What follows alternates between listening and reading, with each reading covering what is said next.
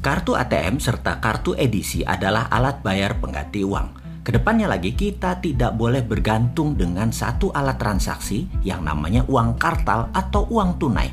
Maka kita harus mempunyai banyak sistem pembayaran.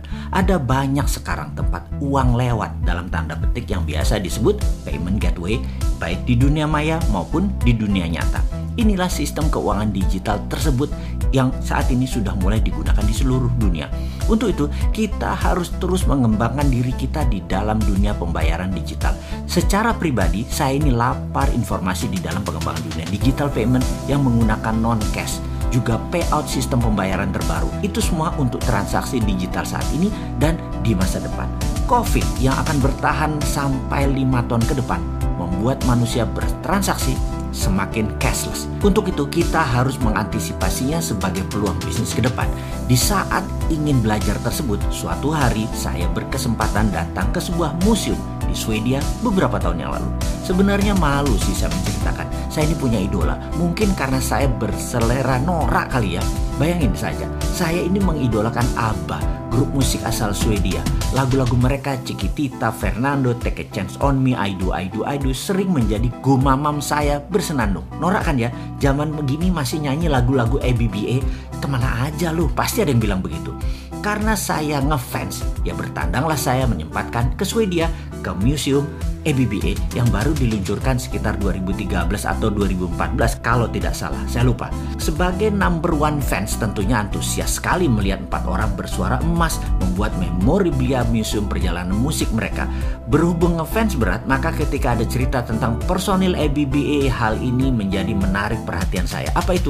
Salah satu personel mereka yaitu Bjorn Ulvaeus ternyata membuat sejarah kedua. Setelah menduniakan ABBA, dia sekarang membuat hampir di seluruh Swedia tidak memakai uang tunai lagi.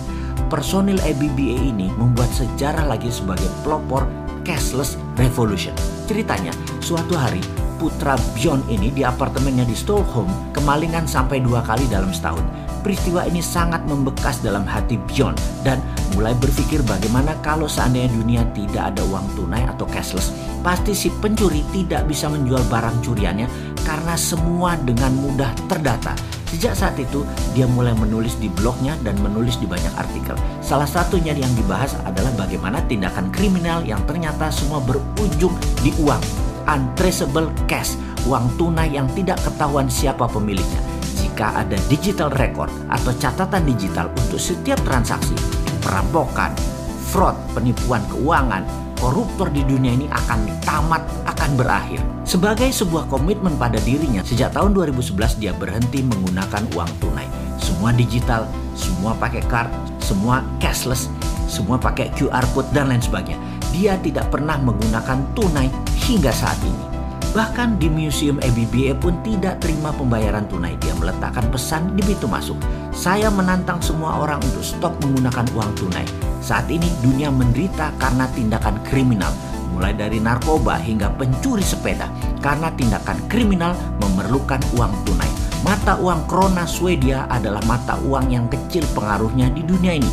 Sebaiknya dijadikan contoh sebagai the first cashless society.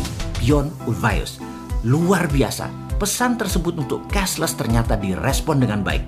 Semua menukar tunai dengan digital dan kartu. Di puncaknya, Bank Swedia menciptakan aplikasi cashless apps yang bernama Swiss. Pada saat ini, empat tahun kemudian, Swedia revolusi cashlessnya hampir lengkap. Dari data statistik keuangan tunai dan koin saat ini, ditransaksikan tidak lebih 2% dari perekonomian Swedia.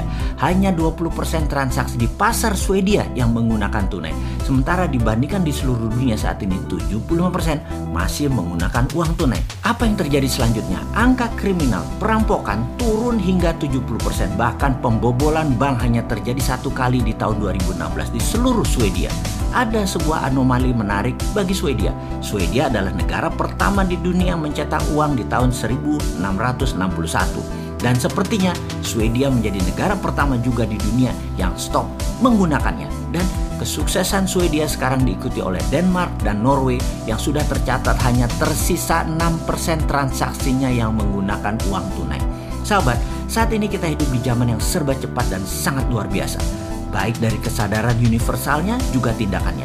Salut untuk Bjorn Ulvaeus yang berhasil menyebarkan pengaruhnya mengevolusi penggunaan uang tunai yang berhasil menurunkan kriminalitas. Padahal di tahun 70-an dia memandangkan lagu Money Money Money. Kalau Bjorn bisa merubah dunia, sesungguhnya para sahabat, kita Indonesia ini bersama Dinaran juga sudah melakukannya hal ini demi kriminal turun hingga 70% dengan cashless payout system. Dan sekali lagi sahabat, Andalah sesungguhnya pahlawan sejati tersebut. Pahlawan cashless.